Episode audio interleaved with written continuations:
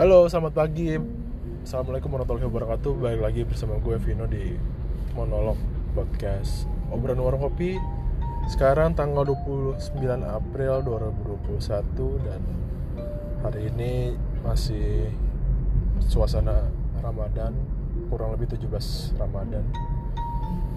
Uh, yang biasanya di tahun-tahun sebelumnya kita mungkin sibuk dengan persiapan mudik tapi kali ini kayaknya kita harus mengurungkan niat karena memang pandeminya belum beres.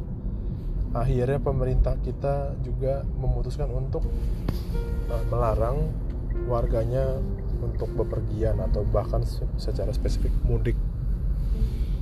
Nah tapi di sisi lain pemerintah tetap memberikan kelonggaran untuk beberapa kategori. Misalnya untuk urusan kedukaan sakit dinas uh, atau hal-hal urgent lainnya yang mungkin bisa dibuktikan. Plus ada pengetatan di bagian uh, pengecekan untuk antigen yang tadinya dua kali 24 jam sekarang hanya berlaku satu kali 24 jam. Yang otomatis setiap kali kita bepergian keluar kota itu apalagi kalau nginep otomatis kalian harus nyolok paling nggak dua kali pas sekali pas berangkat yang kedua pas pulang.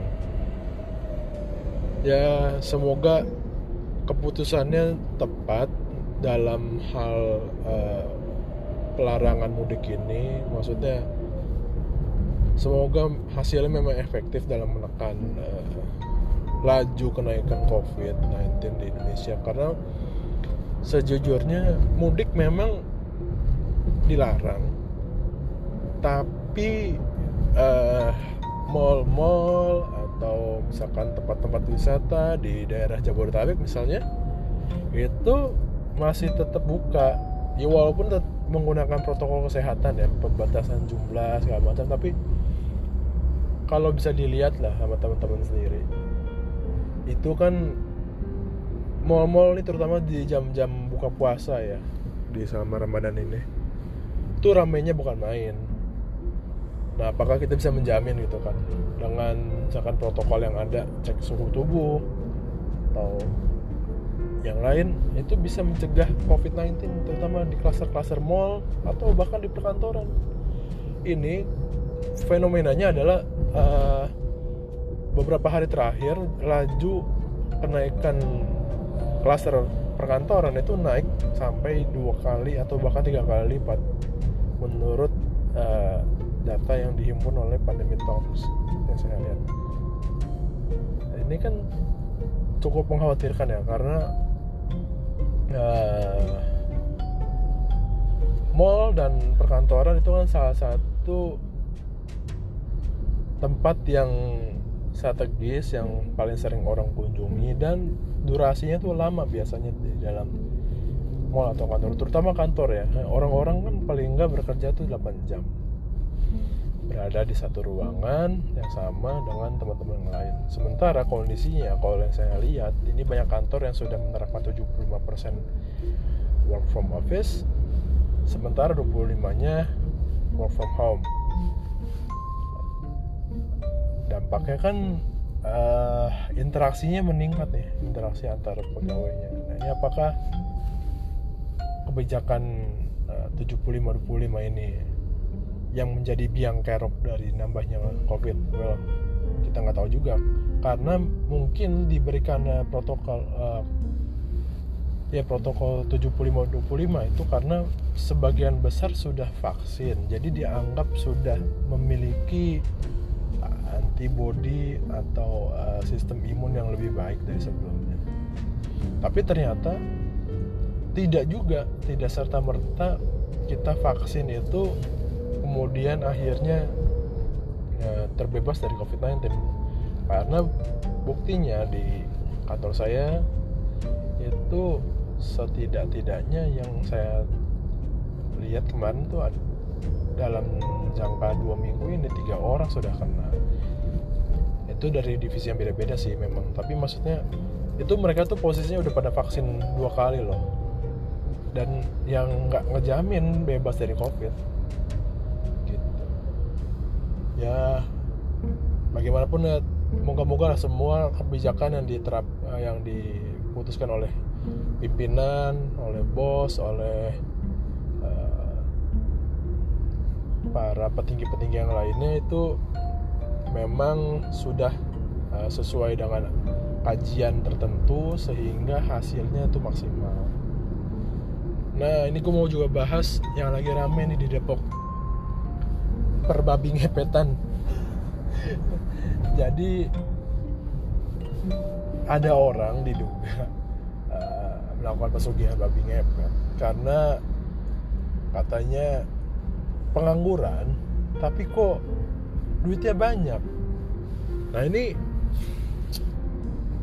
ini agak repot nih sebenarnya. Zaman sekarang nih kita banyak opsi-opsi pekerjaan yang memungkinkan kita untuk bekerja di rumah seolah-olah kita ini pengangguran. Padahal mungkin baru mulai kerjanya malam misalnya. Atau bahkan mungkin memang eh, nggak uh, perlu kerja lama-lama tapi duitnya juga banyak gitu ada macam pekerjaan seperti trader atau misalnya uh, desainer, ilustrator atau misalkan uh, editor. Itu bisa kerja dari rumah. Tapi kan nggak seperti orang-orang pada umumnya ya yang mungkin kerjanya dari jam 8 sampai jam 5 gitu atau dari 9 sampai jam 6 ya yang kerja di bidang tersebut itu punya workflow-nya sendiri. Misalnya trader.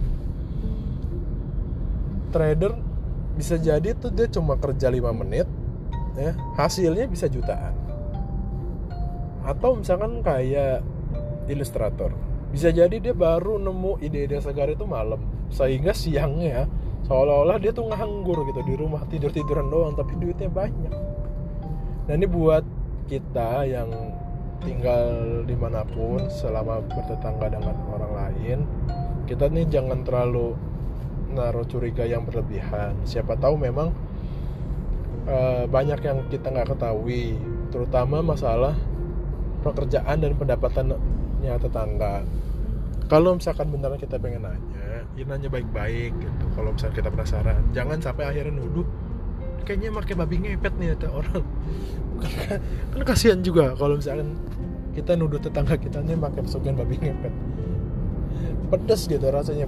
Kita capek-capek kerja misalnya kan.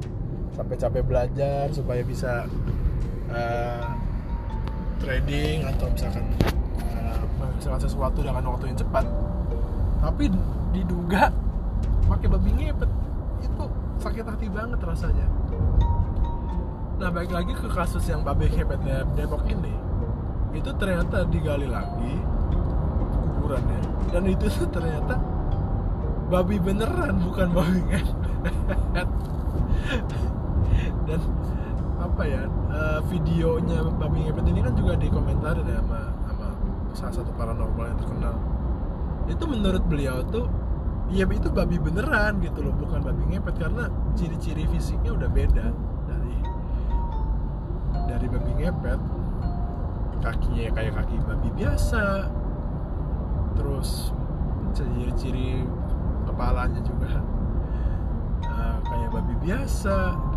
Ini janganlah pokoknya kita jangan sampai lah kita julid banget sama tetangga. Komentarin yang enggak enggak sampai akhirnya kan fitnah jadinya. Ya. Uh, gitu aja ya dari gue.